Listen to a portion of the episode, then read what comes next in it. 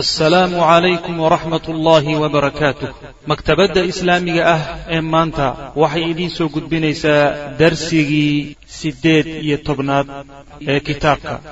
Kitaabu altawxiid lishaykh moxamed ibni cabdilwahaab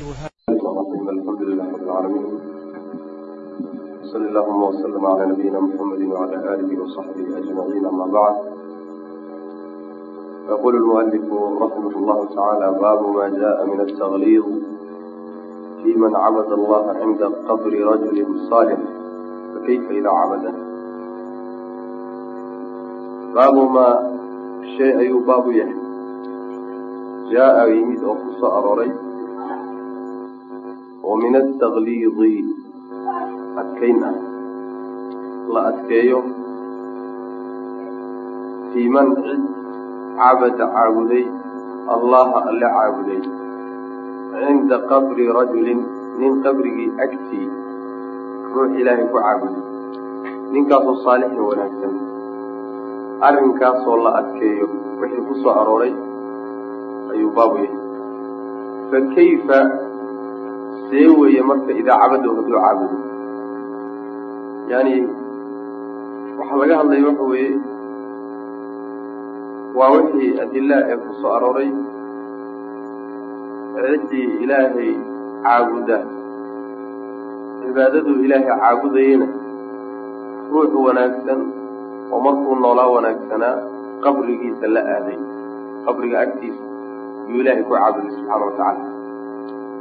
Arrinkaas oo sharcigu aada u adkeeyey si adag loo diiday ayuu baabu yahay su'aashu waxay tahay marka haddii ilaahay cibaadadii isaga dartii loo samaynayay isaga la caabudahaya cid kale aan loo samaynayn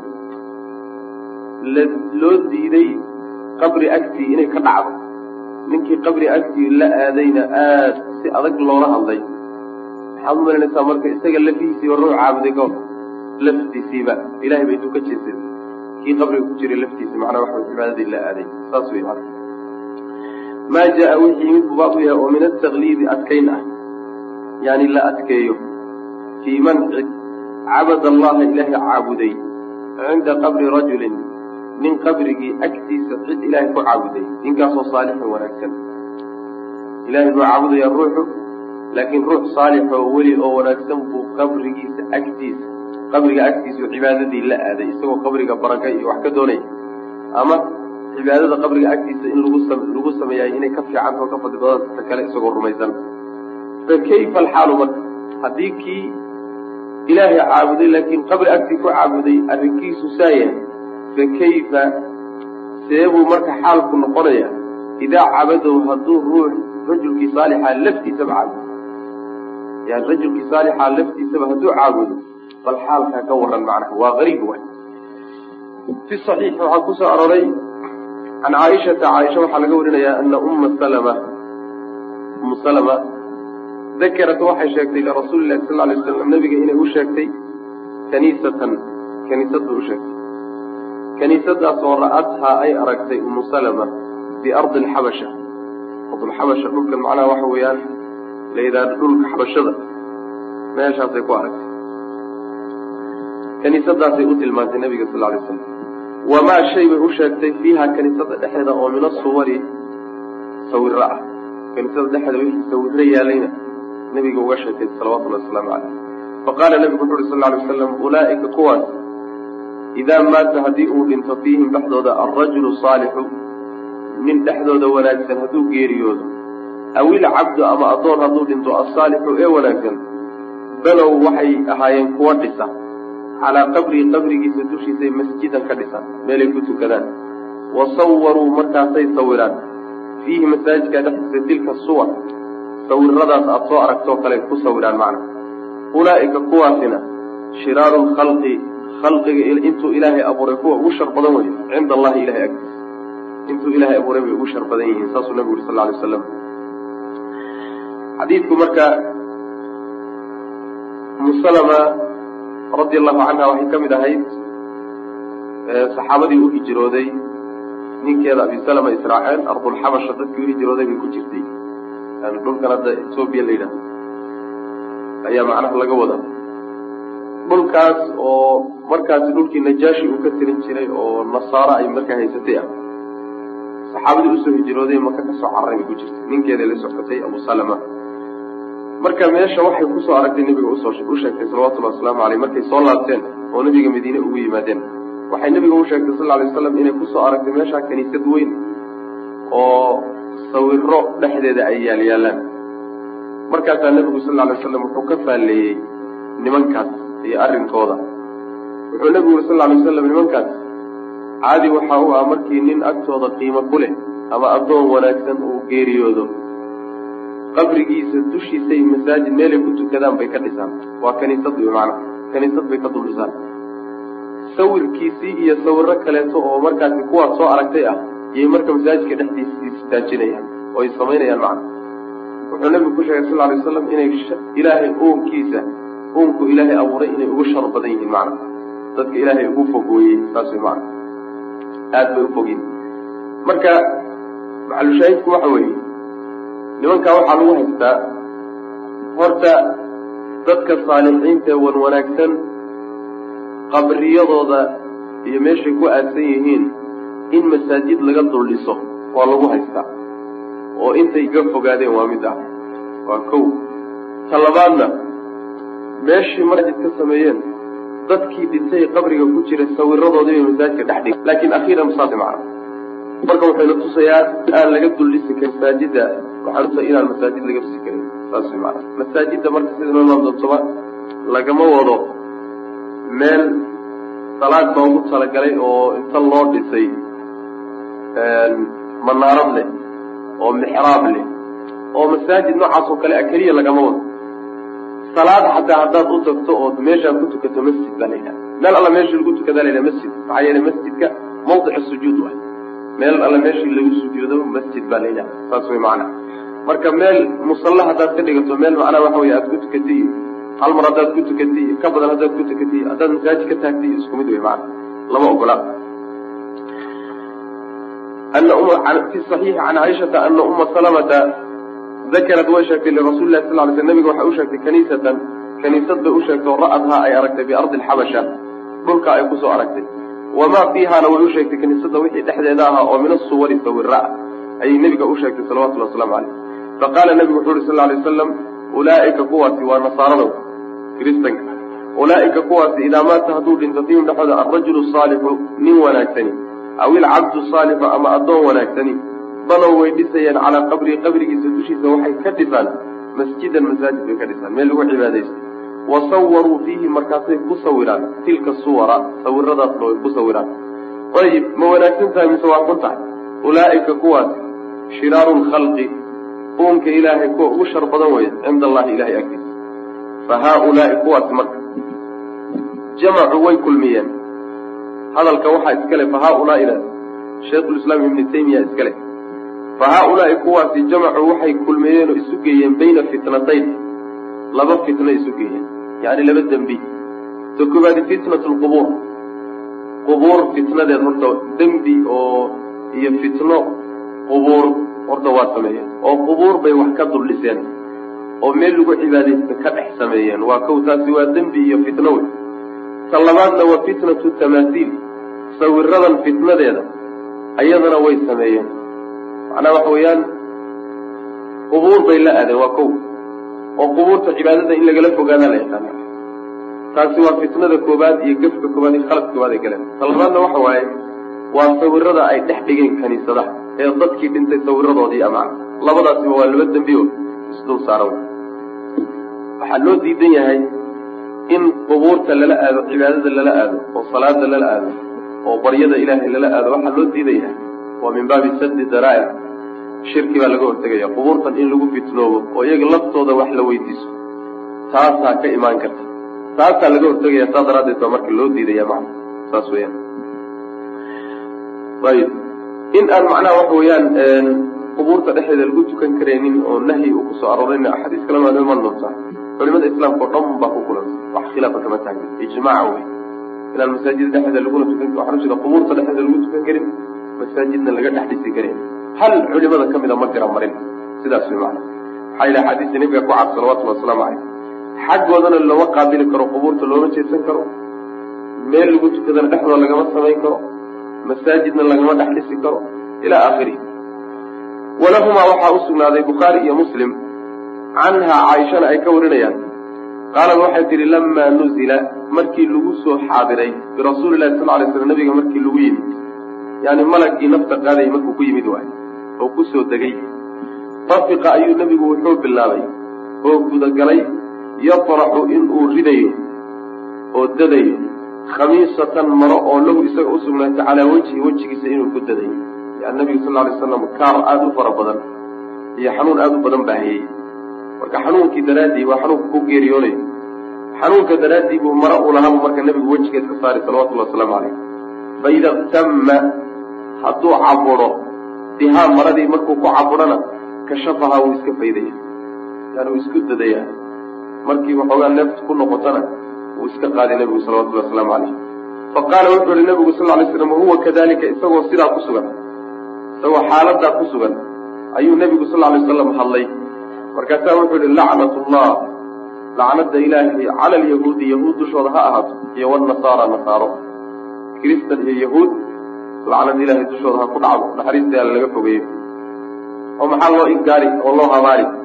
Waxaa loo inkaari waa itakaduu waxay samaysteen qubuura ambiyaa'ihim nebiyadoodii qubuurtoodii qabriyadii nebiyadooda ayay masaajido masaajid ka dhigteen.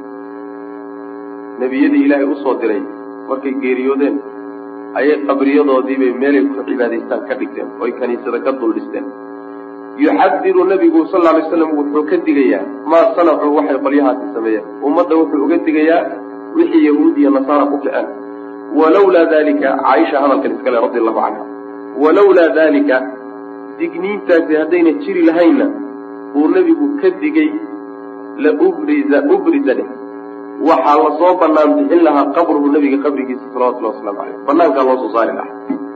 Hayra laakiinse annahu amar yashanigu wuxuu yahay khasha wuxuu ka cabsaday nebigu an yutakada in laga yeesho qabrigiisa masjidan meel lagu cibaadaysto.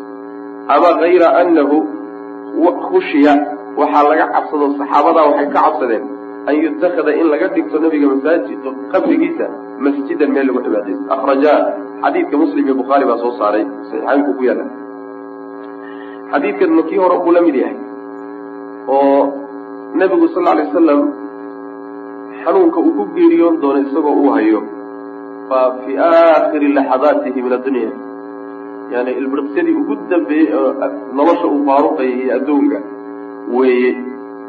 Xanuunka marka nabiga sal alay slam si adag u qaban jiray yani sidii laba nin laba nin oo dadka caadiga ka mid xanuunka qabtaa nabigeena qaban jiray salawatullhi wasalaamu caleyh markii uu qandhan yahay xanuunka waa loo labalaabi jiray. Sababkuna waxa weeye ajirka in loo labalabaa saas wey marka nabigu sal alay slam aad buu xanuunsaday wejigu marka mare iska saaraya markuu xoogaa yaro caburo neefta ku noqotana maradu iska qaadaya isagoo xaaladiisu saa ay tahay oo sakaraadkaas oo yani sidaa u rabaad. Ayuu haddana nebigu sal alay waslam kelimadaas culus yuu ummadda u reebay wuxuu nebigu uri sal alay wasalam yahuud iyo nasaaro lacnada ilaahay ku dhacdo naxariista ilahay ha laga fogeeyo. Maxaa loo habaarayaa maxay galabsadeen? Qubuurtii nebiyadooda ayay cibaado ula qasteenoo meel lagu cibaadaysto oo kaniisado iyo biyaca iyo waxyaala noocaasay ka dul dhisteen. Saasuu nabigu lehy salawatullahi wasalaamu calayh macnaheedu waxa weeye yacni fitnada weyn iyo dembiga weyn ay galeen waxa weeye qubuurtii nebiyada iyo saalixiinta iyo dadka wan wanaagsan oo meel lagu cibaadaysto laga dhigay cibaadada lala aado macna. Saa markuu nabigu lehy salawatullahi wasalaamu caleyh wuxuu ka digayaa yahuud iyo nasaare allaha lacnado wuxuu u leeyahay ummadana uga digayaa nabigu sal alay wasalam inay aynan ku dhicin wixii yahuud iyo nasaara ku dhaceen. Oo inaysan ummadani qubuurta aadin oo nebiga salawatullahi wasalaamu caleyh qabrigiisa aan la weyneynin oo qubuurta macnaha waxa weye dadka saalixiinta iyo culimada iyo awliyadii qubuurtooda inaan la weyneynin oo aan la aadin.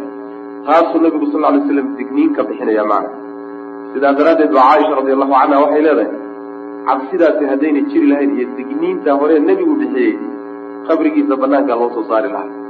Macnaha nabiga sal alay slam markuu geeriyooday waxaa lagu aasay qolkiisii qolkii caaisha radi allahu canha ayaa lagu aasay sidaana asbaab dhowraa loo yeelay. Waa marka koowaadee horta xadiid saxiixaa jira nebiyadu iyo rusushu meeshay ku geeriyoodaan baa lagu aasaa. Tan labaad weeyaane saxaabadu ridwaanullaahi calayhim nebiga waxay ka fahmeen haddii laga saaro qolkiisaas oo lagu aaso masalan qubuurta caamka ahee muslimiinta lagu aaso sida baqiica oo kale waxay ka cabsadeen in nebiga qabrigiisa salawatullhi wasalaamu caleyh la weyneeyo meel lagu cibaadaysta laga dhigo saasay ka cabsadeen. Sidaa daraaddeed qolkiisaa u asturnaan badan. Qolkiisii baa lagu aasay. Banaankaa loo soo bixin lahaa haddayna digdi digniintaa nebigu jiri lahayn salawatullahi wasalaamu caleyh maadaama saxaabadii ay ka cabsadeen ama isaguba nebigu sal lay slam uu ka cabsaday in qabrigiisa la caabudo daraaddeed baa lagu aasay qolka dhexdiisa banaankana aan loo soo bixinin nebiga sal lay wasalam cilladaasi waa mid cilladaa kale sheegnay xadiidka kale tilmaamay oo rususha meesha ku geeriyooda in lagu aaso ana iyaduna waa cillo kale wey macana labada cilliba waa jiraan oo nebiga meesha loogu aasay salawatullahi wasalaamu caleyh saas weyaan saas daraaddeed buu ilaahi subxana watacaala ku badbaadiyey qabriga nebigeena salawatullhi wasalaamu caleyh taqriiban lama caabudin. Sida hadda qubuurtan macnaha waxa weeyaan khudbaduhu ka dul dhisan yihiin oo kale. Loo dul tuban yahay. Oo loo dul ictikaafsanyaho qaarkood looba dawaafayo. Qaarkood la isugu tirtirahayo qaarkood carada looga qaadanayo. Kii nebiga ma dhicin salawatullahi waslamu caleyh maxaa yeelay?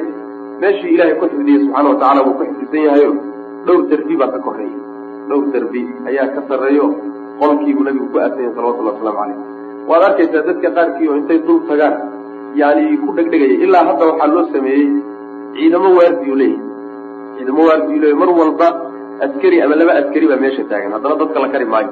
Way ku farabaxsan oo qaar baa isku dhadhejin oo derbigaa shishe ayaa la isku dhadhejinaya macana saas wey marka yani saasuu nabigu sal alay wasalam uu digniinta uga bixiyey lamaa nuzila markii lagu soo degay birasuulilahi sal lay wasalam malagii nafta qaadaya markuu ku soo degay ayaa dafiqa wuxuu bilaabo gudagalay yafraxu inuu tuurayo ku ridayo ku daboolayo khamiisatan maro oo lahu isaga u sugnaatay calaa wajhihi waa go xariiqimo leh ayaa khamiisada la yidhahda faida iktama haddii uu caburo biha iyadoo ku caburo kashafaha wuu iska faydaya faqaala markaasaa nabigu sal lay slam wuxuu le wahuwa kadalika isagoo sidaasa xaaladaas waa xaalad macnaha waxa weye aan la hadli karin oo ninku rafaadsan yahay wey haddana isla markaa nabigu sal lay wasalam arrintani waxay noqotay arrin laba maarmaan ah oo kelimada ugu dambaysa ummadda uga tago ee qalbigooda ku hara ee aan la halmaamin inay noqoto. Saasuu macnaha nabigu sal lay waslam uga tegey qaala nabigu wuxu uhi sal lay wasalam lacnat llah lacnada ilaahi ha ahaato cala alyahuudi yahuud dusheeda iyo wanasaara ittakhaduu waxay samaysteen qubuura anbiyaa'ihim nebiyadooda qubuurtoodii bay masaajida meelo lagu cibaadaystay ka dhigteen yuxadiru wuxuu ka digayaabay caaisha leedahay nebigu markuu saalaya maa sanacu waxay sameeyeen ummaddu uga digaya wixii nebigu ka digay salawatullhi waslamu caleyh dheg looma dhigine waa la khilaafay. Digniintiisii dhegba looma dhigin. Saas daraaddeed waxaa arkaysaa qubuur aad u fara badan iyo masaajiddo isku dhex dhisan. Aad baad u arkay yani haddaad caalamulislaami marto meelo badan ambaatada inta loo jirto haddaad tagto masaajid fara badan baa qubuurka dul dhisan. Ama qubuurta macnaa waxa wey qabrigaa ku dhex jira ama hortiisu ku yaalla ilaa aakhiri soomaaliya sidoo kale. Taasi waa mid kan labaadi waxa weeye qubuurtii laftoodii inta la taagtaagay oo qubado laga dul sameeyey ayaa cibaadaadka loola qastaa oo ilaahi subxaana watacaala yani marka la baryayo roobdoon la weydiisanayo iyagaa la aadaa. Taas wey macana ama iyaga laftoodaaba wax la weydiistaa macana waxaasoo dhan waxyaalo nebigu ka digay salawatullahi wasalaamu caleyh walawlaa dalika arrinkaasi hadduusan jiri lahayn digniinta nebigu uu bixiyey haddayna jiri lahaynna ubriza waxaa banaanka loo soo saari lahaa qabruhu qabrigiisa qolka laguma aaseene baqiic baa lagu aasi lahaa iyo banaanka nebiga salawatullahi wasalaamu calayh hayra laakiinse annahu khashaa khashaa wa khushiya labadaba waa la xarakeeya. Khashaa haddii la yidhaahdo macnaha nebigaa ka baqay wey. Khashaa wuxuu ka baqay an yustakada in laga dhigto masjidan masaajid in laga dhigto qabrigiisuu ka baqay nebigu sal lay slam khushiya haddii la yidhahdona saxaabadii wey. Hayra laakiinse annahu amar yashanigu wuxuu yahay khushiya in laga baqay oy saxaabadii ka baqeen an yutakada in laga dhigto masjidan masaajid in laga dhigto qabriga nebiga sal lay waslam saas daraaddeed bay saxaabadu isku waafaqeen nin ma khilaafin. Markii yani qabrigii lagu aasay nebiga sal lay slam qolkiisa akrajaahu bukhaariyo muslim baa xadiidka soo saaray. Walimuslim waxaa usugnaaday can jundab jundab bni cabdillaahi qaala wuxu uhi samictu nabiya sal lay slam nabiga ayaan maqlay qabla an yamuuta intuusan geeriyoonin bikamsin shan beri geeridiisii shan beri ka hor ayaan maqlay nebiga wa huwa yaquulu isagoo leh. Allaahuma allahayow innii anigu wa huwa yaquul isagoo nebigu le baan maqlay. Innii anigu abra'u waxaan u beri noqonayaa ilallahi xagga alle. Maxaan ka beri noqonayaa? An yakuuna min an yakuunaan ka beri noqonayaa in uu ahaado lii aniga minkum xaggiina khaliilun. Mid jacaylkiisu qalbigii qalbigayga wada qaatay. Jacaylka meesha ugu dambeeya mid aan jeclahay inuu xaggiina iiga ahaado ilahay baan uga beri noqon maxaa yeelay fa ina allaha alle qad ittakhadanii ilaahay baa iga dhigtay khaliilan. Ilahay baa khaliil iga dhigtay. Kama ittakhada siduu ugaba dhigtay ibraahiima ibraahim siduu uga dhigtay khaliilan khaliil siduu uga dhigtay. Ilaahay baan khaliilkiisii ahay oo khaliil iga dhigtay siduu ibraahiimba khaliil uga dhigtay.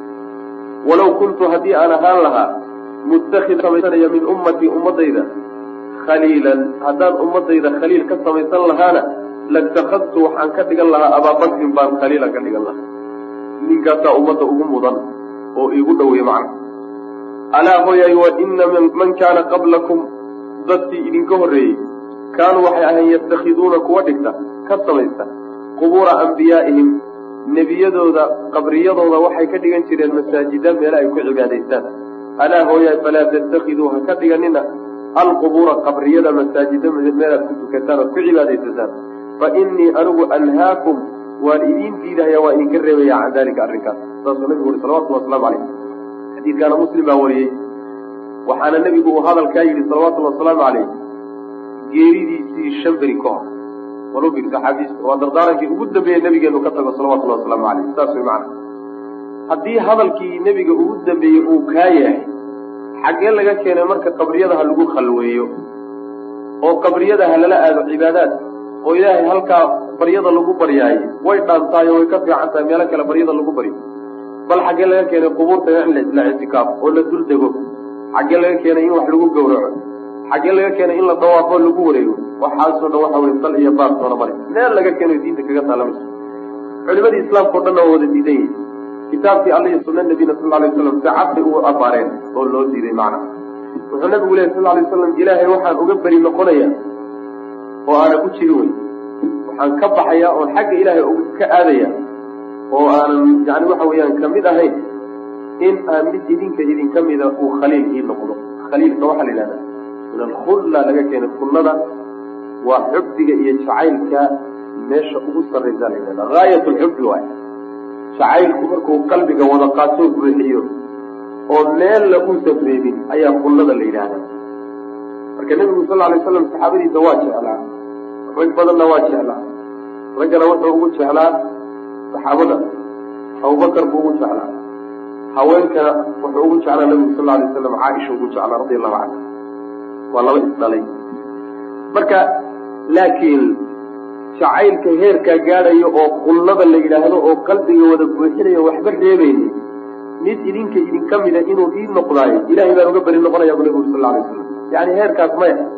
Maxaa yeelay ilaahay baan khaliilkiisii ah khaliil ilaahay baan ahayo wuxuu leeyahy imaam lqurtubi wuxuu nabigu saa u leeyay salawatullhi wasalaamu calayh qalbigiisa waxaa ka buuxa maxabadii ilaahi subxaana watacaala iyo weynayntiisa ka buuxa saas daraaddeed inuu makhluuq kale jacaylkiisu qalbiga nebiga wada qaatoo buuxiyaaye maya tii ilaahay baa buuxisay. Saasuu macnaha u leeyahay khaliil inaad idinka dhigto macna. Maxaa yeelay ilaahay baan khaliilkiisii ahayo rabbi baa aada ii jecel siduu ibraahimba khaliil uga dhigtay. Khaliil raxmaan waa nabiyullahi ibraahim calayhi salaam. Nabigeenuna sal alay slam waa khaliil raxmaan sida xadiidku cadaynayo labadaas rasuul ayaa nusuusta ku soo aroortay inay yihiin khaliiladii ilaahay subxaana watacaala jacaylka meesha ugu dambeeyey inuu ilaahay subxaana watacaala ay ka gaadheen. Saas weeyaan. Waxay macnaha waxa way laga qaadanaya xubbiga iyo khullada khulladaa ka sarraysa saasay khulladaa ka sarraysa saas daraaddeed waxaad garanaysaan waxaa khalad ah in la yidhaahdo yani nebigu sal alay wasalam kaana xabiiba araxmaan khaliilse ma ahayn. Xubbigaana khullada ka sarreeya. Xubbigaa kama sarreeya khulladaa ka sarreeya khaliil waa ahaa nebigu sal alay wasalam isagiyo ibraahimba labadii khaliila ilahi wey subxana watacala nebigu wuxuu yihi sal alay wasalam horta cid aan khaliil ka dhiganayo ma jirto ummadda. Haddiise laakiin ay dhici lahayd mid idinka idinka mida inaan khaliil ka dhigto hadday dhici lahayd oo la qadaro abubakar buu noqon lahaa buu nabigu yhi sal alay wasalam inuu ummadda ugu fadli badanya laga qaada cid khilaafsan oo khilaafkiisu ay wax ka soo qaad leedahayna ma jiro ummaddu waa ku idishahay inuu ugu fadli badan yahay abubakr sidiiq radi allahu canhu ardaa ayib intaasi maxalushaahidka ma aha. Xadiidka inta laga daliishanaya waa intan dambe. Wuxuu nabigu yuri sal alay wasalam war hooyaay ummadihii idinka horreeyey waa yahuud iyo nasaare. Waxay ka dhigan jireen nebiyadoodu markay dhintaan qabriyadooda ayay meelay ku cibaadaystaan iyo meelo ay ilaahay ku baryaan bay ka dhigan jireen oo ka samaysan jireen. Ee arrinkaas yeelina qubuurta masaajid iyo meelo aad ku cibaadaystaan ha ka dhiganina arrinkaasi waa arrin aan idiin diidayo buu nabigu ilahi salawatullahi wasalaamu caleyh waa noloshiisa aakhirkeedii iyo ciribkeedii iyo dambaynteedii buu nabigu ka digaya salawatullahi wasalaamu caleyh sidaas macnaa samictu waxaan maqlay buri jundab annabiya sal lay sl nabigaan maqlay qabla an yamuuta intuusan geeriyoonin bikamsin shan beri kahor shan beri geeridiis shan beri ka hor wa huwa yaquulu isagoo leh allahuma inii anigu allow abra'u ila allah inii anigu abra'u. Waxaan u beri noqonayaa ilallahi xagga alle an yakuuna min an yakuunaan ka beri noqonaya inuu ahaado lii aniga minkun xaggiina khaliilun mid jacaylkiisu qalbigayga buuxiyo. Oo macnaha jacaylka meesha ugu dambaysa aan jeclaa faina allaha alle maxaa yeelay qad itakadanii wuxuu iga dhigtay khaliilan. Seed odhanaysaa marka yani abu hurayra iyo keyrkii xadiidka waa ka odhanaya awsaanii khaliilii khaliilkaygii ayaa wuxuu ii dardaarmay bitalaatin saddex arrimood. Waa tii macnaha waxa wey salaada duxada iyo baas waa iska xadiidka canka waxaa lagu jawaabaya abu hurayre isagaa nebiga khaliil ka dhigtay. Nebigu abu hurayre khaliil kama dhigan taasuu intuu ka warramay waa jacaylka qalbigiisa ku jira nebiga uu u hayo salawatullahi wasalaamu calayh abu hurayre jacaylkiisa qalbiga ku jira uu ka warramayaaye ma uu lahaa nebiga qalbigiisa jacaylka ku jiray aniga uu jeclaabaa qullo gaadhsiisnaa saa ugama hadlayo macana kiisuu ka warramaya macana faina allaha alla qad itakadanii wuxuu iga dhigtay khaliilan buu iga dhigtay. Mid jacaylkiisu aada ugu dheeriyo aada u jeceliy kama itakada su uga dhigtay ibraahiimaba khaliilan. Khaliil su uga dhigtay. Walow kuntu haddii aan ahaan lahaa muttakidan mid ka dhiganaya ummatii ummadayda khaliilan latakadtu waxaan ka dhigan lahaa abaabakrin baan khaliilan ka dhigan lahaa khaliil wuxuu khaliilkaygu wuxuu noqon lahaa abubakrin laakiin maya. Wainaman ciddii kaana ahaa qablakum hortiin kaanuu waxay ahaayeen yattakiduuna kuwa samays qubuura ambiyaaihim nebiyadooda qabriyadooda waxay ka dhigan jireen masaajida meela ay ku cibaadaystaan. Alaa hooyay falaa tattakiduu ha ka dhiganina alqubuura qabriyada masaajida ha ka dhiganina fa innii anugu anhaakum waa idinka reebayaa can dalika arrinkaas qabri masaajid laga dulmiso waxaa ugu horreeyo bilaabay nimankii cubaydiyiinta la odhan jiray faatimiyiintana loo yaqaano. Ee macnaha maqrib alcarabi iyo masar iyo mar dawlad ka asaas nimankaasoo culimada islaamku intooda badan isku waafaqsay inay gaalo ahaayeen oo islaamka ka baxeen. Waxayna madaxdooda inay ilaahay yihiin bay rumaysnaayeen. Inay ilahay yihiin bay rumaysnaayeen. Waa nimanka mawliidka bilaabay. Yani bidac aada u fara badan iyo khuraafaad aada u fara badan bay islaamka ku soo biiriyeen oo laga qaatay. Mawliidka iyo qubuur yani waxa wey la siiso oo la taaga iyo iyagoo cibaado lala aada iyaga u horrey macana cubaydiinta ugu horrey rag badan baa kutub ka alifay abubakr albasillaani iyo ibnu jawsi iyo rag noocaasa ka alifay kutub oo baatilkooda ku cadiyey macana faqad nahaa wuu reebay marka canhu xaggiisa. Yani faqad nahaa nebigu marka waa reebay canhu arrinkaas. Masaajid in qubuurta laga samaysto wuu reebay bi aakhiri xayaati. Noloshiisa dabayaaqadeedii macana intii ugu dambeysay. Uma markaa kadibna lacana wuu lacnaday yani aakhiri xayaati shan wey shan markay ka laaban tahay. Uma haddana lacna wuu lacnaday nebigu wahuwa isagoo fi nafta qaadideedii isagoo ku dhex jira. Min ficlihi arrinkaas samayntiisuu nabigu lacnaday salawatullah waslamu caleyh saas way maana lacna min ficlihi. Yani samayntiisa lacna man uma lacna wuu lacnaday nabigu sal lay slam wahuwa fi nafka qaadidiiba isagu ku dhex jira. Man ciddii samaysuu nabigu lacnaday salawatullah waslamu caleyh markii hore saddex goor buu nabigu reebay sal lay waslam in qubuurta cibaado lala aado oo masaajid iyo meelo lagu cibaadaysta laga dhigto intuu caadiga ahaye nebigu noolaa salawatullhi wasalaamu caleyh uu reebay. Waa kow noloshiisa markay soo gabagabowdo geerida uu ku soo dhawaado shan beri ay ka laabantahay geeridiisana waa reebay nabigu sal alay slam waa middan hadda aan aragnay markii naftaba laga qaadahayay ka socotayna waa reebay nabigu sal alay wasalam saddexdaasuu iska dabageeyey macana ayib wasalaatu tukasho cindahaa qubuurta agteeda lagu tukadana min dalika taasay ka mid salaad in qubuurta agteeda lagu tukadayo waxa waa qeyb ka mida iyadoo masaajid laga samaystay wain lam yubna yaaban la dhisinba masjidun masaajid yaaban laga dhisini wa huwa macnaa qawliha. Yani xataa haddaadan dhisba ka dul dhisin oodan agteeda masaajid ka taagin oodan dhagaxyaan ka taagin oodan wax dhisa ka samayn laakiin agteeda aada ku tukataba masaajid baad ka samaysa saas macana saa daraadeed ma fiicna xataa salaada janaazada xataa salaada janaazada qubuurta dhexeeda in lagu tukado ma fiicna saas macana salaada janaazada qubuurta kabaxeeda in lagu tukado ayaa fiican oo culimadu waxay leeyihiin haddii masaajidku iyo qubuurta derbi u dhexeeyo salaada janaazada waa lagu tukan karaa bay leeyihiin laakiin wax kale maya wax kale maya saas macana ayib wsalaatu cindaha min dalika wain lam yubna masjidun masaajid mayaan laga dhisina wa huwa macnaa qawliha waana odhahda caaisha caaisha hadalkeeda macnihiisa wey maxay tidhi waxay tidhi khushiya waxaa laga cabsaday an yutakada in laga dhigto masjidan masaajid laga dhigto qabriga nabiga sal lay waslam waxaa nabiga meeshaa loogu aasay waxaa laga cabsaday in qabrigiisa meel lagu cibaadaysto oo lagu sujuudo oo lagu salaado laga dhigto ee lagama wado qabrigiisa in masaajid laga taago yay saxaabadu ka cabsadeen maxaa yeele suurtagalba maa masaladaas maxaa yeele fa ina asaxaabata saxaabada nebigu lam yakunuu maysan ahaanin liyabnuu kuwa dhisaya xawla qabrihi nebiga qabrigiisa hareerihiisa masjidan. Masaajid kuwa ka dhisaya maynan ahaanin. Intaa waa ka caqiida fiican yihiin waana ka cilmi badan yihiin. Waana ka taxadar badan yihiin inay masaajidka nebiga sal alay wasalam qabri ka duldhisaan taa looga cabsan maayo waa arrin aan ka bixi karine laakiin waxaa looga cabsani intay weyneeyaan oo qaarkood qabriga yaro weyneeyaan inay qabriga agtiisa ku cibaadayso oo salaada lala aado oo khalwada lala aado oo halkaa lala tago o qur'aan akriska lala tago taasay ka cabsadeen macana taasoo qaarkood ka dhici karta iyay ka cabsadeen saa daraaddeed bay qolkiisa dhexdiisa loogu aado.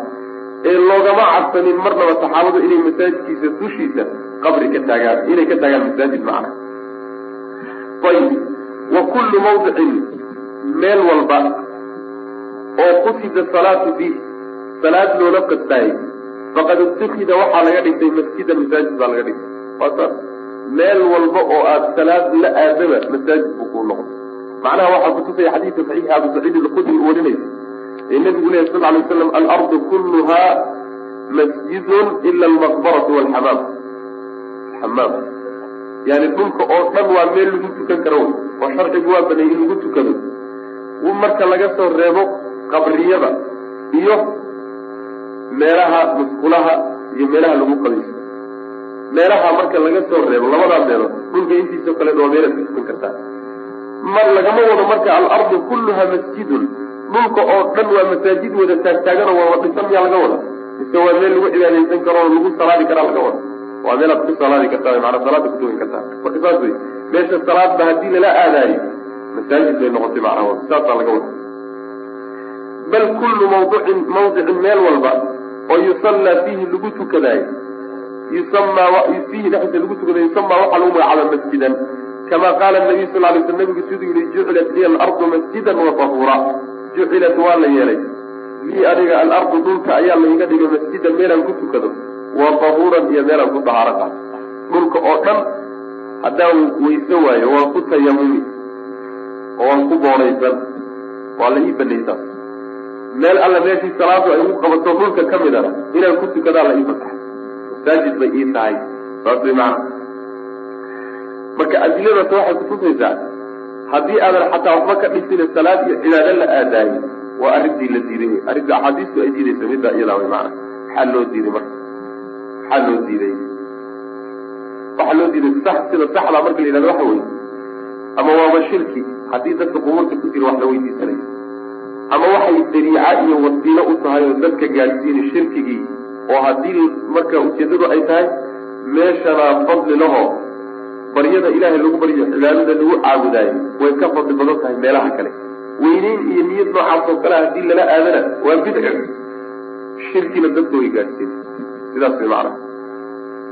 Dadka qaarkii ama culimada qaar ka mid a yaa waxay yidhaahdaan nijaaso qabriga waxaa salaada loola diidan yahay. Meeshii qabriga caradiisa ayaa nijaaso ah. Oo timi nijaasadaas ruuxa markii lagu aasay carunkiisii iyo yani waxa weeyaan dhacaankiisii iyaa gaadhgaadhay marka nijaaso daraaddeed baa loo loo diiday. Saas daraaddeed haddaad nijaasada iska ilaaliso ama qabriguba uu qabri nebi yahay. Way bannaan tahay qiil noocaas oo kale qaarkood la baxaya. Cilladu saa ma ah maxaa yeelay nebiyada ilaahay ayaanu soo marnay qubuurtooda ilaa xadiisku sheegaysa nebiyaduna sidoodaba carun iyo yani jidhkooda iyo ma burburo qabriyada waa ku jiraan. Jidhkooda caradu ma taaban mana cunayso marka jidhkeedu iyagoo qabriga ku jiro oo wax dhacaana ayna caradoodii gaadhin ayaa haddana la leeyahay hadhisina hana ku tukanina. Cilladu marka ma aha nijaase cillada ay culimadu u badan yihiin saxday axaadiistu tilmaantay waxa weeye shirki baa laga cabsan ama shirki ku jira meesha saas way macana weli axmed waxaa u sugnaaday bisanadin jayidin sanad wanaagsanna uu ku warinaya. Can ibni mascuudin buu ka warinaya radi allahu canhu marfuucan inuu nabigu uri sal lay slam ina min shiraari nnaasi dadka kuwa ugu shar badani man tudrikuhum saacatu waa dadka ay saacaddu soo gaadhi doonto wahum axyaa iyagoo nool dadka saacaddu dushooda ka dhici doonto ee nolol ay ku soo gaadhi doonto qiyaamadu dadkaasi waa dadka kuwa ugu shar badan wey waaladiina kuwa yattakiduuna ka dhiganaya alqubuura qubuurta masaajida meelay ka cibaadaystaan iyo kuwa qubuurta masaajida la aadan labadaa qolaa ugu shar badan khalqiga ilaah wa rawaahu waxaa wariyey abu daawuud abu xaasim baa wariyey fii saxiixi buu ku wariyey. Xadiidka naasir diin alalbani wuu taxsiiniyey axmed shaakirna wuu tasxiixinaya xadiidku waa xujo wey ama xasan aduu ka dhig ama saxiixa ka dhig macnaheedu waxa weeye dadka ilaahay laba qolaa ugu shar badan. Qolo waa qolo nolosha ay qiyaamadu ku soo gaari doonto iyagoo noolba qiyaamadu ka duldhici nabigeena waxaa ka sugan salawatullhi wasalaamu caleyh marka qiyaamadu soo dhawaato dadka muslimiinta ama mu'miniinta ee nool dabayl aada u fudud intay timaado ayay nafta ka wada qaadi dadka kuwii ugu shar badnaa baa marka soo hadhay qoladaa way qolada qiyaamadu ka duldhici macnaha waxa weya waa kii nabigu jira sal ly sl laa taqumu saacatu wa fi lardi man yaqulu allah allah yani saacaddu ma qulayso ayagoo dhulka dushiisa uu joogo ruux odhanaya allah allah dadka kuwa ugu shar badan oo ugu gaalaysan baa isu soo hadhi kuwaasi qiyaamadu ka duldhici doonta qoladaa waxaa la mid oo sharka kula mid ah oon ka sokaynin dadka qubuurta ku cibaadey bal meesha la geeyay u fiirsada calaykum dadna waxay u haystaan afdalu lqurbaati ila allah. Wax ilaahay loogu dhawaado waxa ugu fadli badan oo lagaba maarmi karin oo diinta tiir dhaxaad iyo lafdhaxaad u ah. Xudun ah ayay dadna u haystaan. Ilaahayna wuxuu ku tilmaamay iyo rasuulkiisa inay khalqiga ilahay kuwa ugu shar badan yihiin meesha ugu fog bay joogaan macna saasuu nabigeenu ku tilmaamaya salawatulli waslamu aleyh xadiidku waa xadiis saxiix. Ina min sigaari nnaasi dadka kuwa ugu shar badan waxaa ka mid a man tudrikuhum saacatu qolada ay saacaddu ku imaan doonto wahum axyaa iyagoo nool nool iyo waladiina kuwa yattakiduuna ka dhiganaya alqubuura qabriyada masaajida meele ay ku cibaadaystaan ka dhiganaya. Meele ay ku sujuudaan oo ku salaadaan oy ku khalweeyaan oo ilahay wax ku weydiistaan bay ka dhiganayaan qubuurta. Rawahu waxaa wariya xadiidka abu xaatim baa fi saxiixi ku wariyey fiihi masaa'il baabkan masaa'il dhowra ku jirta. Waxyaalaha la waxaa ka mid a inkastoo culimada fuqahada ee ragga xataa minhaajka akristay iyo kutubta fiqiga uma badna mid uu suufiyoobay mooyaane.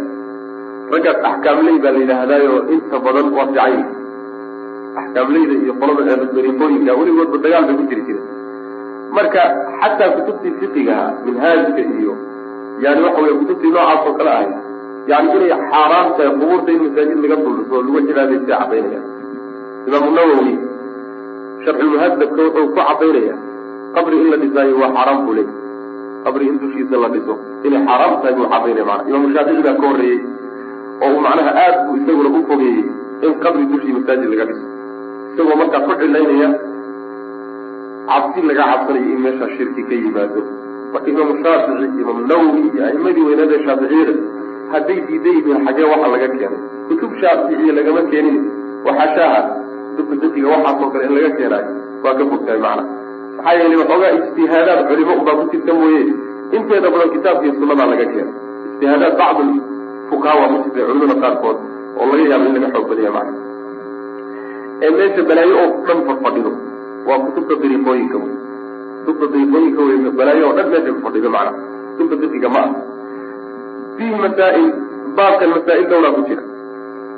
Alulaa masalada koobaad waxa weye maa dakara rasuulu sal ly wasalam nebigu wuxuu sheegay fii man cid oo banaa dhisay masjidan masaajid dhisay masaajidkaasoo yacbud allaha fiihi ilaahay uu dhexdiisa ku caabudayay masaajidkaasoo cinda qabri rajulin min qabrigii agtii ahaaday saalixin oo wanaagsan walow saxad haba fayobaato niyat lfaacil ruuxii saa sameeye niyadiisa haba ficnaato ma niyad samida wax ku dari haddaad gaalnimo iyo bidca iyo balaayo aada lugta la gasho niyadaydaad ficnayd iyo waa niyad sama waxba ku dari maysa ogow cabdullahi ibnu zubayr waxaa jira cabdullahi ibnu mascuud waa kii soo maray. Maalin maalmaha ka mid a qolyo wardinahayo qaabkii nabigu u wardin jiray qaab aanan u wardinahay. Oo intay furuura ku qaateen. Bal haddana macnaa waxa wey alxamdulilah dhaha soo rida. Soo rida dalanawda subxaan allah imisa toban. Subxaan allah soo rida qolyo noocaas oo kale ku hay yuu soo maray. Markaasu wuxuu ku yidhi walle ama yani waxa weeye nebi maxamed salawatullhi wasalaamu calayh ayaa iyo saxaabadiisii. Ama nebi maxamed baa hal idinka idinka toosnaa ama idinkaa ka toosna wax ka dhexeeya ma jiro markaasay yaaleen seebaad noo odhan kartaa dhe arrinkaa ibnu mascuudow khayr un baanu ula jeednaa oo niyad bay naga tahay maxaad saa noo leedahay? Markaasaa wuxuu yihi maa kullu muriidi khayrin yudrikuhu. In walboo wanaagdoon ah wanaaggii ma hado ma helo mana gaadho. Wanaag baan doonaya wax ku dari mayso marka xusni niya iyo niyad wanaag iyo khayr baan ula jeeday. Haddaad khaladkii gasho waxba kuu qaban mayso saas way maana kuu shafiici mayso marka ninku niyadu dooniba ha lahaadee marba haddaad qabri masaajid ka agdhiso ood cibaado iyo in lagu caabuday iyo ilahay in loogu dhawaado aad ula qasadahay adigu niyadaada haba fiicnaatay waxba qaban mayso waa baatil wey athaaniyatu masalada waxa wey annahyu reebitaan can itamaadiil waxyaalaha sawirada a layska reebo. Wahiladi lmri wahiladu lmri iyo arrinka weynankiisa iyo adeegiisa bidalika arrinkaa dhexdiisa yani arrinku hawshaas oo sawirada ah sida ay u adagtay sharcigu u adkeeyey macna maxaa yeele gaalnimaa ka timaada waa kii nabigu yiri sal lay slam wasawaruu fiihi tilka suwar. Yani waa dambi weyn wey ruuxa sawirada samaynaya xataa ka kaydsanaya haysanaya waa min akbari dunuub waay. Dambiyada ugu waaweyn way athaalithatu masalada saddexaad waxay alcibratu cibro yani fiiro la fiiriyo. Fii mubaalagati ku xeeldheeraashihiisa sal lay slam fi dalika arrinkaa uu ku xeeldheeraaday. Yani arrintaa oo in masaajid laga dhiso qubuurta ah ama in wax la sawdaa aad buu nabigu ugu xeeldheeray sal lay slam waxaan ujeeda qubuurta in masaajid laga dhiso lagu cibaadaysto. Aad buu ugu xeeldheeraday deegitaankeeda. Kayfa sida uu cadeeyey lahum iyaga ugu cadeeyey hada arrinkaa awalan markii hore? Xeeldheeraanshaha waxaa laga fahmaya markii hore uu u cadeeyey nabigu sal la alay waslam isagoo iska caadi ah isagoo macnaha geeri iyo waxbaan ku dhaweyn oo arrinkiisu caadi yahay buu ka hadlay. Uma qabla mawtihi haddana wuxuu ka hadlo u cadeeyey. Qabla mawtihi geeridiisa ka hor bikamsin shan. Shan beri geeridiisa ka horna wuu ku soo celiyey qaala wuxuu yihi ma qaala? Wuxuu yihi uma qabla mawtihi bikamsinna qaala wuxuu yihi ma qaala? Wuxuu yihi hadalkaa soo maray uma lamaa kaana markii uu ahaaday fi siyaaqi nafqaadida siyaaqa waa socoshada macnaa naftiyo socoto naftu markay ka socotay oo malagii nafta qaadaya uu la joogana markaana nebigu sal lay slam wuxuu ahaa lam yaktifi mid aan ku kaaftoomin bimaa taqadama wixii horay uga hormaray. Wuxuu horay u sameeyey iyo digniinadii hore. Muusan ku gaabsanin haddana waa ku soo celiyey nabigu sal lay slam isagoo naftu ka socoto macnaha intaaso dhan waxay kutusi arrinta siduu ay u adag tahay macnaa u sahlanayn. Alraabicatu midda afraadi waxa weye nahyuhu reebitaanka nabigu reebay sal lay slam can ficlihi arrinkaas samayntiisa ayuu reebay cinda qabrihi qabrigiisa agtiisa in lagu sameeyo waa reebay. Qabla an yuujada alqabru qabrigiisa intaan la helinba intuusa nabigu geeriniyo sal alay wasalam ayuu reebay. Qabrigiisa ma imaanin weli oo nabigu ma geeriyoon qabri looma samaynin yuu nabigu ka sii degay salawatullah waslamu caleyh oo waxaa laga qaadanaya. Alaa falaa tattakidu lqubuura masaajida. Qubuurtaa waxaa soo gudagelaya qabrigiisaa soo gudagelaya salawatullah waslamu caleyh marka hadalka uu leeyahayna weli nabigu ma geeriyoonin qabrina looma samayn alkhaamisatu midda shanaadi waxa weeye annahu arrinkaa oo qubuurta un lagu xidhmo ah min sunani alyahuudi waalnasaara yahuud iyo nasaaro dhaqankoodii iyo jidadkoodii wey fii qubuuri ambiyaaihim nebiyadooda qubuurtooda jidkay ku lahaayeen wey waa siday ku sameeyeen. Qaabkay u galeen noocaas macna in la khilaafaa lays yahuud iyo nasaaro dhaqankooda in lagu daydo ma ah asaadisatu midda lixaadi waxa weye lacnuhu nabiga lacnadiisa iyaahum yahuud iyo nasaara u lacnaday calaa dalika arrinkaasu ku lacnaday lacnatullahi cala alyahuudi waalnasaara waa kii nabigu sal lay slam ciddii muslim ee islaamnimo sheeganaysa ee dhaqankoodii kale ku kacana ilan ilaahay yahuud iyo nasaare kama xige lacnadii way ku dhece ninkii dhaqan la yimaada ilahay addoommadu uguma kala sokeen nasab iyo dhalasho uguma kala sokeeyaan laakiin camal bay ama isku mid ku noqon ama ku kala gedisnaanaya camalkii yahuud iyo nasaare ninkii la yimaadaay waa la mid meeshuu aada isaga garan ayib asaabicatu masalada toddobaad waxa weye ana muraadahu nebiga ujeedadiisa waxa weeyaan taxdiiru digitaankiisa taxdiiruhu digitaankiisa wey iyaana anaga uu noo digaya can qabri qabrigiisa uu nooga digaya ujeedada uu nebigu le hadalka ka qubuurta kalena wuu inooga digay qabrigiisana nebigu wuu inooga digaya salawatullahi wasalaamu caleyh maxaa yeelay markaas qarkuu nebigu saaran yahay salawatullahi wasalaamu caleyhi oo in qabri loo sameeyaa soo dhow saxaabada marka wuxuu ka cabsanayaa inay ku kacaan sidii yahuud iyo nasaaro oo kale ama saxaabada hadday ku kicin ummaddu inay ku kacdo. Saas daraaddeed meesha iyo maqaamka wuxuu keensanaya waa jibinaya inuu nabigu arrintaasoo yani laga cabsanayo inuu ka digniin bixiyo salawatullahi waslamu caleyh athaaminatu masalada waxa wey alcillatu cillada iyo sababka fii cadami ibraazi qabrihi. Qabriga nebiga sal lay slam banaanka soo saarid la'aanta aan banaanka loo soo saarin cillada iyo sababka keenay maxaa banaanka loogu sameyn waayo sababta waxa waxaa laga cabsaday inay dadku ku dhagaan oy ku cibaadaystaan oy ku xidhmaan. Ayib ataasicatu masalada sagaalaadi waxa weeye fii macna itikaadiha samaysigeeda masjidan masaajid laga samaysto laga dhigtaayo macnahay leedahay. Maxay tahay macnadeedu? Masaajid ha ka dhiganina marka laleeyahy ma hadhisina laga wada? Seena waa laga wada laakiin macna intaa ka guda waa laga wada. Ha ku cibaadaysinina ha aadina laga wada. Saas way macna ama ha dhisnaata ama yasa dhisnaani alcaashiratu masalada tobnaadi waxa weeye annahu qarana wuxuu isku xidhay nebigu bayna man itakadahaa ciddii qubuurtaa ka dhigatay masaajid ka dhigatay iyo wa bayna man taquumu iyo cidda ay ku istaagi doonto caleyhi dushiisa asaacatu saacad labadaa qoluu nebigu xidhiidhiyey fadakara markaasu wuxuu sheegay addariicata shaygii dadka gaadhsiinayay ila shirki shirkiga gaadhsiinayay oo qubuurtoo la dhisa qabla wuquucihi intuusan dhicin qabrigiisa laga dhigto cibaado lala aadaayo waa dariica ila shirki. Intuusan dhicin buu nebigu sheegay. Maca khaatimatihi waxa uu ku gebagaboobahayana wuu sheegay.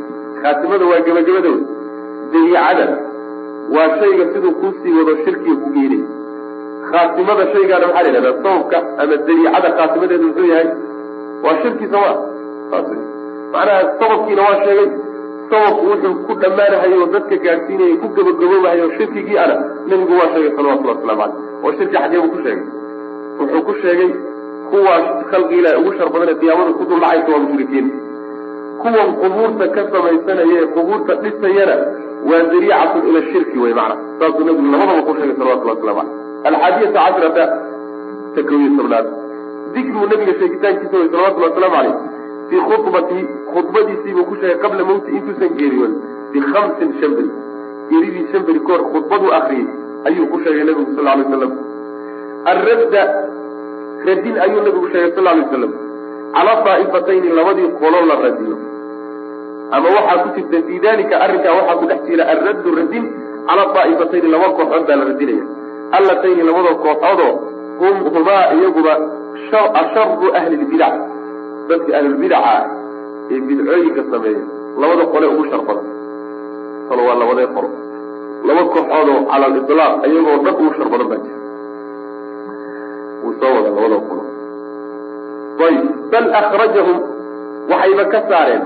Bacdu ahlilcilmi culimada qaarkood waxayba ka bixiyeen labadaa qolo. Min asintayni wasabciina firqa. Labi iyo toddobaatanka kooxood ee ummadda u qaysami doonto ayayba laga saaray labiiyo toddobaatankaa kooxood kumaba jiraan maxaa yele labiiyo toddobaatanka kooxood ee xadiidku sheegay xadiidku sheegay alaaa wasabciin soomaalia saas min asintayn min athalaati wasabciin saasa fi cabd maxaa yele xadiidka saasa kuso arortay iftaraqat alyahuudu cala ixdaa wasabciina firqa waftaraqat الnasaara cala sintayni wasabciina firqa wasataftariqu hadihi اlumma cala halaatin wasabciina firqa saasaalaatin baa moodaa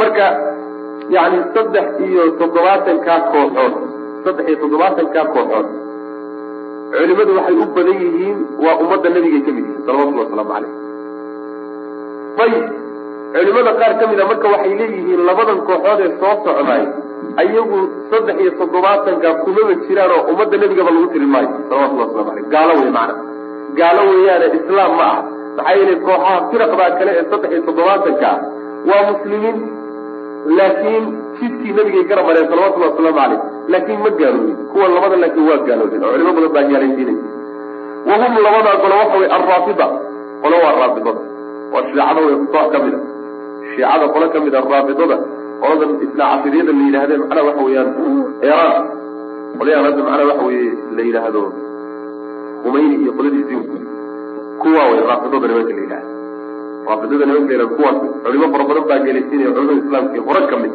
waxaa loo gaalaysiinayana wax kale ma mabaadi'da asaasigay rumaysan yihiin ayaa kitaabka iyo sunnada ka hor imaanay kow waxaa ka ah isku kitaab ma nihin kitaabka qur'aanka waxay rumaysan yihiin inuu kala dhimay oosan dhamaystirnayn saasay rumaysan qur'aankeenu inuu mubadel yahay. Qur'aankaan haysano kii nebi maxamed ku soo degay inuusan dhahayn bay rumaysan yihiin oo wax ka yihiin waa gaalnimo cad waxaa kaloo rumaysan yihiin in a'imadooda waxaa jira kow iyo toban imaam labiyo toban imaam ha labiyo toban imaam oy rumaysan yihiin. Macsuumiin inay yihiin oo dembi uusan ka dhicin oo ambiyada qaarkood ay ka fadli badan yihiin bay rumaysan yihiin cilmul haybka inay og yihiin bay rumaysan yihiin kulli kutubtooday ku taala saxaabadii nabiga sal alay wasalam dhowr nin markii laga soo reebo inay ridoobeen oo islaamka ka wada baxeen bay rumaysan yihiin wax islaamka ka dambeeyey inuusan jirin. Waxaasoo dhan iyo balaayo ka daran haweenkii nabiga sal alay wasalam yani waxa weeye aflagaadooyin fara badan bay ugeysay kutubtooday ku qorantay maraajicdooda laakiin ayagu markaad kulantaan waxa weeyaan ree magaalnima yaqaanaan. Waxa la yidhaha suqya ayay yaqaanaano waxaasoo dhan in la qarsan karo. Ay rumaysan yihiin sheeganin oo ha cadaysan ha ku qarsoonaato dadka af kale kula hada diintoodaa banaynaysa iyo kutubtoodaa banaynaysa raafidadaasi marka noocaasa culimada intooda badan ama qaar badan oo ka mid a waa gaalaysiinayaan firaqda xataa islaamiga laguma daro saas way macana ayib firqada labaadi waxa wey waa nimanka la yidhahda jahmiyada waxaa nasiib xumo ah. Yani usuushii oo maanta muslimiinta ka luntay daraaddeed usuushii baa luntay. Iyo miisaankii oo ka lumaya jahliga oo aad u badan daraaddeed. Ayaa muslimiintii maanta waxay noqdeen nin alla ninkii yidhaahda calam islaam baan xambaarsanahay waa la garab istaagaya waa la ayidaya asagaa islaamba ka jira saas daraaddeed soomaalidu shiico kalama hadli karti eeraan baa xunba soomaali agteeda kuma ohan karin. War maxaad ku qasaano maxaa idin siiya?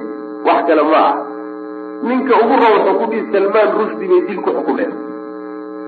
Waa intaas maraykankay caayaanoo maraykankay wax ka sheegaan. War waxaase de mabda ma ah mabda markaas haddana waxaa loo muqaarana lagu odhanaya war kuwan macasha waaweyn ee macnaha waxa weye khaliijka ah way dhaamaan kuwa khaliijka way dhaamaan war kuwan khaliijka iyo iyaga soo dhinac iska dhigin dadka waxaa lagu miisaamaa mabda-ooda caqiidadoodaa lagu miisaamaa. Mabda-iyo waxay rumaysan yihiin baa lagu miisaamayo ama baadi ku noqdaan ama ay ku hagaagaan laakiin hadal uu hadlay iyo maxkamad uu qaaday ruuxu kumana hagaago kumana xumaado. Saas way macna. Laakiin nasiib xumo intaasoo dhan la garan maayo. Gaalay nacel yihiin unbaa la dhihi. Saas way macna qolada labaadi waa nimanka la yidhahdo waljahmiya jahmiyada waay jahmiyadu iyaguna waa niman khayr daran oo nimanka ay ka yimaadeen weeye sifaatka in la ta'wiiliyo. Kow nimankii bilaabay jacdi ibnu dirham iyo jahm ibnu safwaan iyo muctasiladu iyagay ka soo jeedaan oo ashaaciradu iyagay ka soo jeedaan oo maaturidiyadu iyagay ka soo jeedaan oo kullaabiyadu iyagay ka soo jeedaan. Kulli balaayo dhan nimankii bilaabay culimada islaamku waagay soo baxeen waa nimanka bilaabay ilaahay carshigiisa kama sarreeya meel kastuu jooga. Jahmiyaa bilowday ilaahay subxaana watacaala naartiisu sii jiri maysa way baabi sifaat ilaahay ma yeelan karee sifaatka waa in loo diido addoommadiisu u ekaan haddii la yidhahda gacan buu leeyahay iyo lug buu leeyahay iyo induu leeyahay haddii la yidhahda addoommadiisa isu ekaana waa in loo diido sifaat oo waxaasi ma jiraan la yidhahda jahmiyaa keena balaayadaasoo dhan iyagaa keena jahmigan kadaasa bilaabay madhabka bilaabay nin khayr daran buu ahaa. Aakhirkiisii nin falsafiyo hadal badan oo muran badan oo balaayo qodqodid badan buu ahaa waagii dambe xataa waxaa la sheegaa wuxuu la dooday. Niman falasifa niman felosofiyiin oo dhib badan iyuu la dooday. Oo malaaxido ilahayba aan rumaysnayn markaasaa say u wadeen u wadeen u wadeen ba waxay gaarsiiyeen ilaahay ma jiro. Afartan beri buu salaada ka tegey. Afartan beri ayuusan sujuudin usan salaada ku tegin ilahay buu garan lahay waa nin noocaas oo kale mabaadi' fara badan oo uu ninkaasi keenay ayaa ashcariyadu maanta ay wataan oo mabaadi u ah oy kow ka tahay ilahay subxana watacala meel kasuu jooga jahm ibnu iyo jacd ibnu dirham baa waxaa layuu ka yimi macna marka jahmiyaduna culimada islaamku markay soo baxeen kulli waxay ku waafaqeen inay gaala yihiin. Waxayna fatwoodeen in la laayo. Saas daraaddeed jahm ibnu wuxuu ka mid ahaa raggii degta dhiigga loo daray maalin baa lagu ciiday saas way maana lagu udxiyaystay. Nin madaxda muslimiinta ka mid ah isku soo qab kiyuu degta dhiigga u daray. Culimadaana saa u fatwooda maxaa yeele waxa way wuu joogo islaamku ka baxay saas weyaan wa bisababi raafidati nimankaa raafidada a daraaddood shiicada raafidada a daraaddeed baa xadata shirku iyuu shirki ku yimid. Wa cibaadatu lqubuuri iyo qubuurtoo la caabudo. Wa hum iyagu awalu man ciddii ugu horreysay wey oo banaa dhisay calayha dusheeda almasaajida masaajida ka dhisay qubuur cid masaajid ka dulistaay raafidada ugu horreysay shirkigaa iyagaa bilaabay inkaar allah ku riday athaaniyata casharata masalada labiy tobnaadi waxa weeye maa buliya bihi waxa nebiga lagu imtixaanay salawatullhi wasalaamu calayh oo min shiddati nafci nasma nasma nasci waay. Nasciga waxaa laga wadaa xanuunka waay. Xanuunka iyo kaarka haya nabiga sal alay wasalam darnaanshaha uu daran yahay oo nebiga lagu imtixaanay salawatullhi wasalaamu calayhi taana way kutusaysaa inuu aada u darnaa macnaha. Nasci cid u qorayso ma jiraan? Nasci oo nuun ah. Saasa sax ayib ahaalisata casharata masalada saddex tobnaad waxa wey maa ukrima bihi waxa nabiga lagu karaamiyey salawatullhi wasalaamu calayh oo min alkhullati jacaylka xadaafka jacaylka aadka ah ee ilahay uu jeclaa subxaana wa tacala aad buu ilahay u jeclaa nabigiisa salawatullahi wasalaamu calayh alraabicata cashara casharata midda afariy tobnaad waxa weeye altasriixu caddayn la caddeeyo biannaha khulladu aclaa inay ka sarrayso min almaxabati jacaylka inay ka sarrayso waa carabi carabiga maxaba iyo kulla ayaa kala jira. Alfaad badan baa jira oo jacaylka loo isticmaalo. Jacaylka macnaha darajaad ah darajada ugu sarraysa ee cilifkeeda ah yaa kullada la yidhahdaa marka. Marka maxabada iyadaa ka sarraysa saas way waxaa la fahmi marka loo geeyo xadiidkan iyo xadiid kale laisu geeyo. Nabiga sal alay slam waxaa lagu yihi man axabu nnaasi ilayka? Dad yaad ugu jeceshahay. Markaasuu yihi ragga abubakar baan ugu jeclahay. Haweenkana caaishaan ugu jeclay. Marka qalbiga nabiga sal alay waslam jacayl wuu galay uu adoo makhluuqa jeclaaday oo saxaabadiisa jeclaaday.